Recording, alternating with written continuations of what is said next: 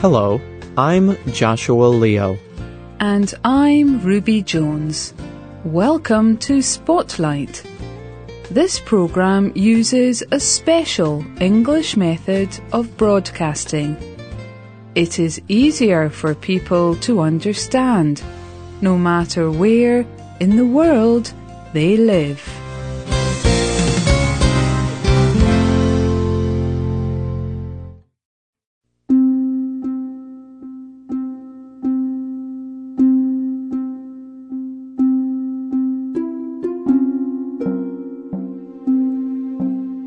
Today's Spotlight program tells the story of a young woman from North Africa. Her name was Perpetua. She lived almost 2,000 years ago, but people still talk about her life today. In Perpetua's time, part of North Africa belonged to the Roman Empire local people had to obey Roman laws and follow Roman ways of behavior.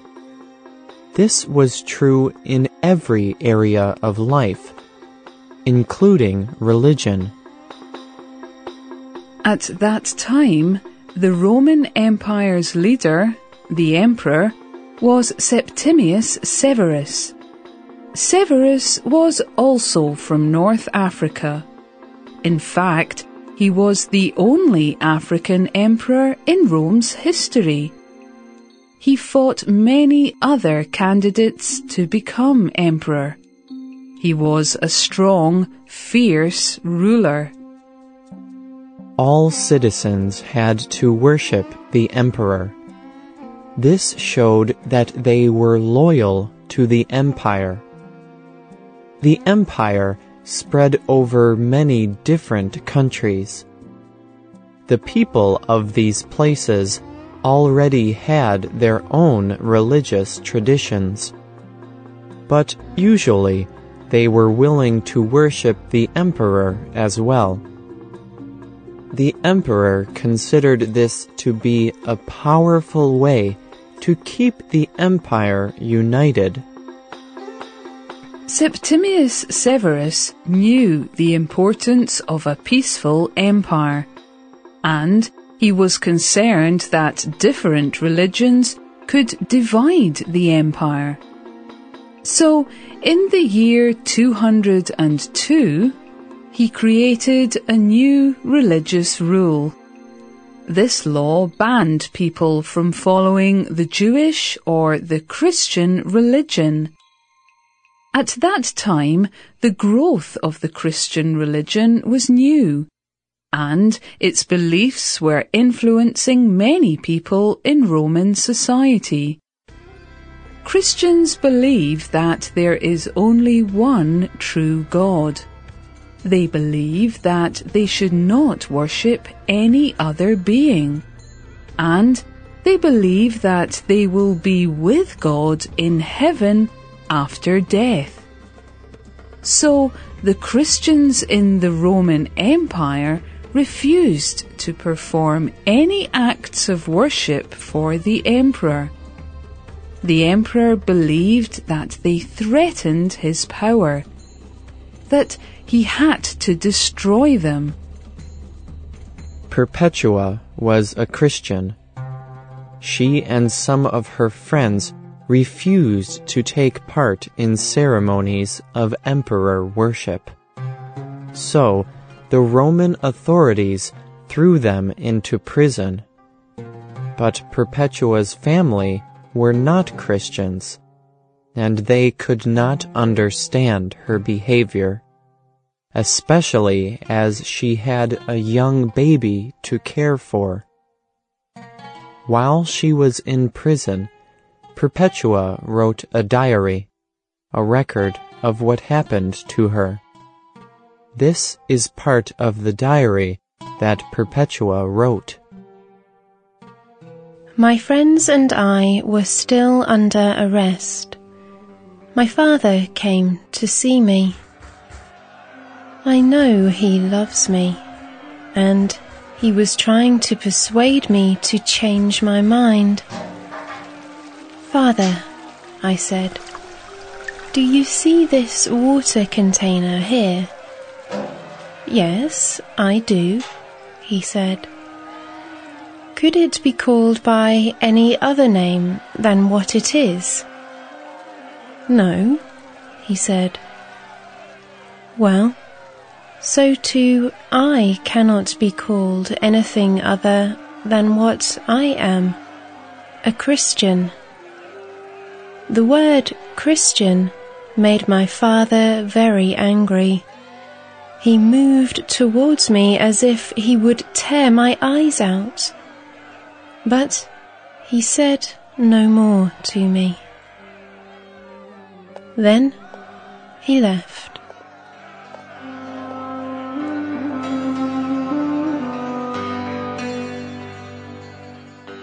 A few days later, we heard some news. We were going to appear before the Roman governor. My father also arrived from the city, full of worry. He came again to see me.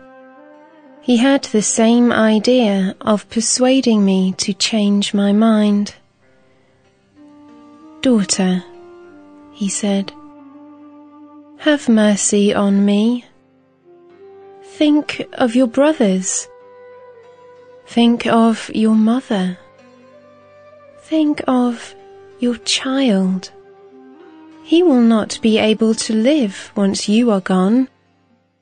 Do not be so proud. You will destroy all of us. I felt sad for my father. I tried to make him feel better, saying, It will all happen as God wants. You may be sure that we are not on our own, but we are all in His power. My father then left me. Great sadness filled his heart.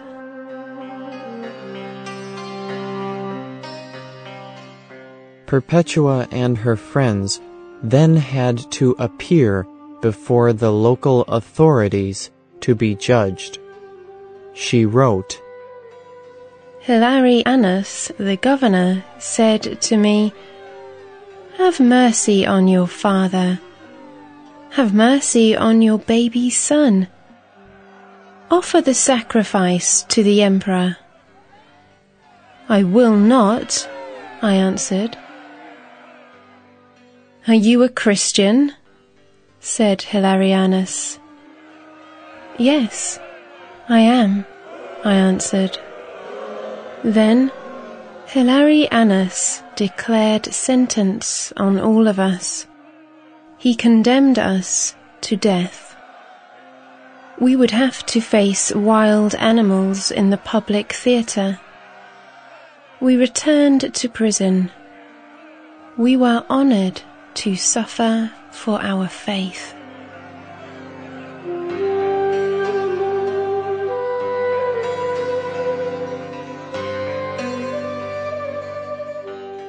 In the days that followed, Perpetua and her friends prepared for death.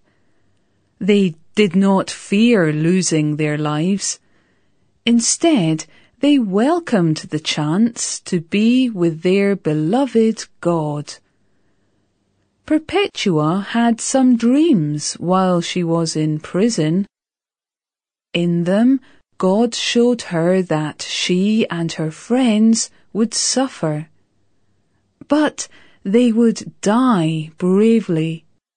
And they would encourage many Christians with their acts of faith. Perpetua did not write in her diary on the day of her death, but someone else wrote about what happened. This witness described how the friends dealt with their final day on earth with great courage. The day of their victory came. They marched with joy from the prison to the public theatre as if they were going to heaven. Soldiers brought them into the central area of the theatre. There, the two women and four men faced different wild animals. The crowd cheered loudly as the animals attacked. But Perpetua and her friends were filled with God's strength. They were injured, but they all survived the attacks. In the end, the governor ordered the soldiers to kill the young people with a sword, right in front of the crowds. The witness wrote, And so the friends got up and went to where the soldiers were. They gave each other a kiss of peace. Perpetua's friends received the sword blow in silence. Perpetua, however, experienced more pain. The soldier's sword hit her on the bone, and she shouted out. Then she took the shaking hand of the young soldier and guided his sword to her neck.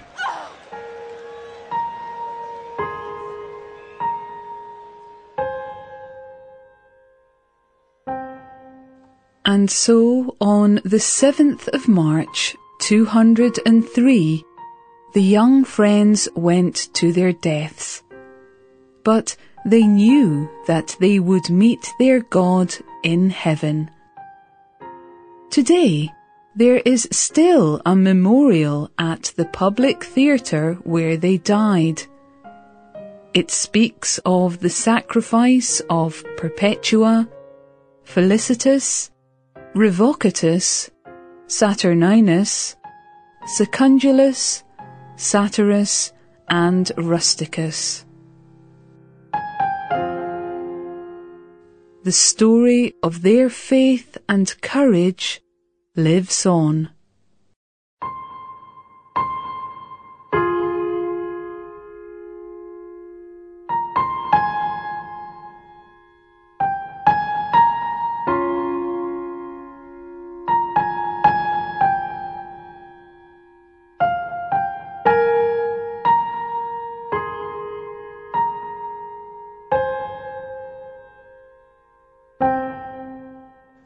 The writer and producer of today's program was Ruby Jones. All quotations were adapted for this program. You can hear more Spotlight programs on our website at www.radio.english.net. Today's program is called Perpetua, a Woman of Faith.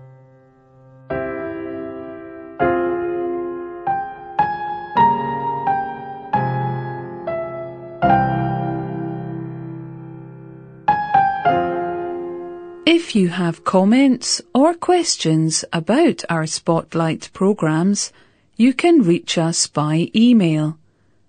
Our address is radio at english.net. Thank you for joining us today. Goodbye.